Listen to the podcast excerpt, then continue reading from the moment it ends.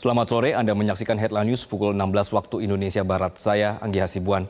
Pemirsa masa pendukung pasangan calon presiden dan wakil presiden nomor urut 1 Anies Baswedan Muhaimin Iskandar meninggalkan Jakarta International Stadium atau JIS usai mengikuti kampanye pamungkas pasangan Amin bertajuk Kumpul Akbar untuk Perubahan.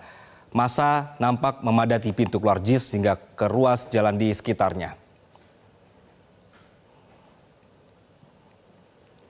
Seperti inilah pemirsa, kepadatan masa pendukung pasangan Amin yang hendak meninggalkan Jakarta International Stadium atau JIS usai mengikuti kampanye pamungkas pasangan Amin pada Sabtu siang.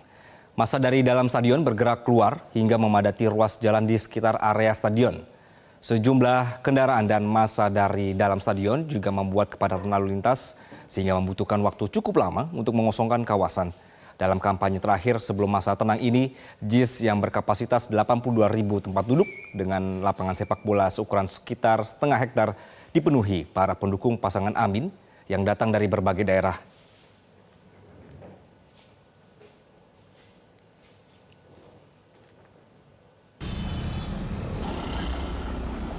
Kepadatan pendukung pasangan Amin yang meninggalkan Stadion JIS juga terlihat di daerah atau di Jalan Danau Sunter Barat, Jakarta Utara, Area Jalan Sunter Barat dipadati pendukung Anies, baik yang menggunakan kendaraan pribadi, sepeda motor, hingga yang berjalan kaki.